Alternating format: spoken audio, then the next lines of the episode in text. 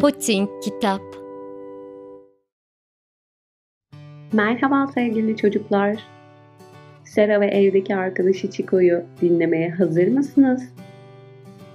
Şimdiden keyifli dinlemeler dileriz. Sera ve evdeki arkadaşı Chico. Sera okuldan dönmüş hemen odasına çıkmıştı. Oyuncaklarıyla kendine yeni bir oyun kurmuş, odanın her yerine oyuncaklarını fırlatmıştı. Kendi kendine konuşup heyecanla aklındaki oyunu canlandırıyordu. Tam o sırada odanın içinde bir tıkırtı duydu. Önce oyuncaklardan birinin düştüğünü zannetti. Fakat hepsi yerinde duruyordu. Dikkatlice etrafına baktı. Hiçbir şey yoktu. Herhalde yanlış duydum diye düşündü ve oyununa devam etti. Birkaç dakika sonra bir tıkırtı daha duydu. Hey bu ses de ne? Nereden geliyor diye seslendi. Tam odadan çıkıp annesini çağıracaktı ki kapının yanında en sevdiği atının arkasında minik beyaz tüylü bir fare gördü. Gözlerine inanamadı. İçinden bağırıp koşarak annesine söylemek geliyordu. Ama minik fare o kadar tatlı gözüküyordu ki onu korkutmak istemedi. Çok yavaşça ona doğru yaklaşarak fısıltı gibi merhaba dedi. Benim adım Sera ve burası benim odam. Minik fare uzun bıyıklarını oynattı. Minicik pembe burnu ile Sera'yı uzaktan kokladı ve sonunda cesaretini toplayarak cevap verdi. Merhaba Sera, benim adım Chico. Acaba ben de senin oyununa katılabilir miyim? diye sordu. Sera bu soruya önce çok şaşırdı. Bir fare ile oyun oynamak nasıl olabilir ki diye düşündü. Ama sonunda Chico'ya bir şans vermek isteyerek neden olmasın hadi gel oynayalım dedi. O günden sonra Sera ve Chico çok iyi arkadaş oldular. Sera annesinin güzel yemeklerini Chico ile paylaşıyordu. Chico da Sera'ya orman hayatını ve oradaki arkadaşlarını anlatıyordu. Yine bir gün Sera okuldan geldiğinde hızlıca odasına çıktı. Chico'nun her zaman gibi odasında onu beklediğini düşünüyordu. Ama o gün Chico gönüllülerde yoktu. Sera oyun oynamak için oyuncaklarını yerleştirmeye başladı. Chico yeni oyunumu görünce kesin gelecektir diye düşündü. Akşam olmuştu ama Chico hala yoktu. Sera'nın annesi akşam yemeği için ona seslenmişti. Sera hem yemeğini yiyor hem de Chico'yu düşünüyordu. Acaba yeni arkadaşı nerelerdeydi? Yoksa canı bir şeye mi sıkılmıştı? Her zamanki gibi kalan yemeklerden Chico'ya bir tabak yaptı ve odasına çıktı. Tabağı Chico'nun içinde bulunduğunu düşündüğü deliğin önüne koydu. Chico bu güzel kokulara dayanamayacaktır.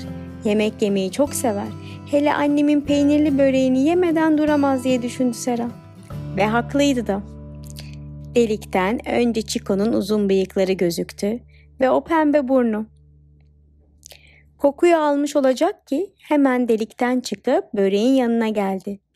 Kısık sesiyle üzgün bir merhaba dedi. Börekten bir parça koparıp kemirmeye başladı. Sera merakla Chico neyin var böyle garip davranıyorsun yoksa canın mı sıkkın diye sordu. Chico'nun cevap vermeye pek niyeti yoktu. Üzgündü. Böreğini kemirip başına geleni unutmak istiyordu. Ama Sera'nın onu yalnız bırakmaya niyeti yoktu. Sera Chico'nun yanına yaklaştı. Chico, arkadaşlar bunun içindir. Sadece mutluluğumuzu değil, üzüntümüzü ve sıkıntımızı da paylaşmalıyız. Benimle her şeyi konuşabilirsin. Seni dinlerim dedi. Chico durdu, düşündü. Belki de arkadaşı haklıydı. Belki de Sera ile konuşursa dertleri hafiflerdi. Sonunda Chico bir bir anlatmaya başladı. Dün bebeklik arkadaşlarımla ormanda buluşmaya gittim. Çok heyecanlıydım. Çok uzun zamandır görüşmüyorduk. Ama pek hayal ettiğim gibi olmadı. Hepsi çok büyümüş, uzamış, güçlenmiş. Hepsi avladıkları hayvanları, vahşi orman hayatını, nasıl güçlü ve asılgan olduklarını, bazıları ise onları çok seven sahiplerini anlattılar. Fare olmak kolay bir iş mi zannediyorsun? Bu kadar hayvan arasında minik, güçsüz, çirkin olmak, sesimi duyurmakta bile zorlanıyorum. O kadar kısık ki Nedenini bilmesem de birçok insan benden korkar. Ama aslında insanlardan korkması gereken ben değil miyim?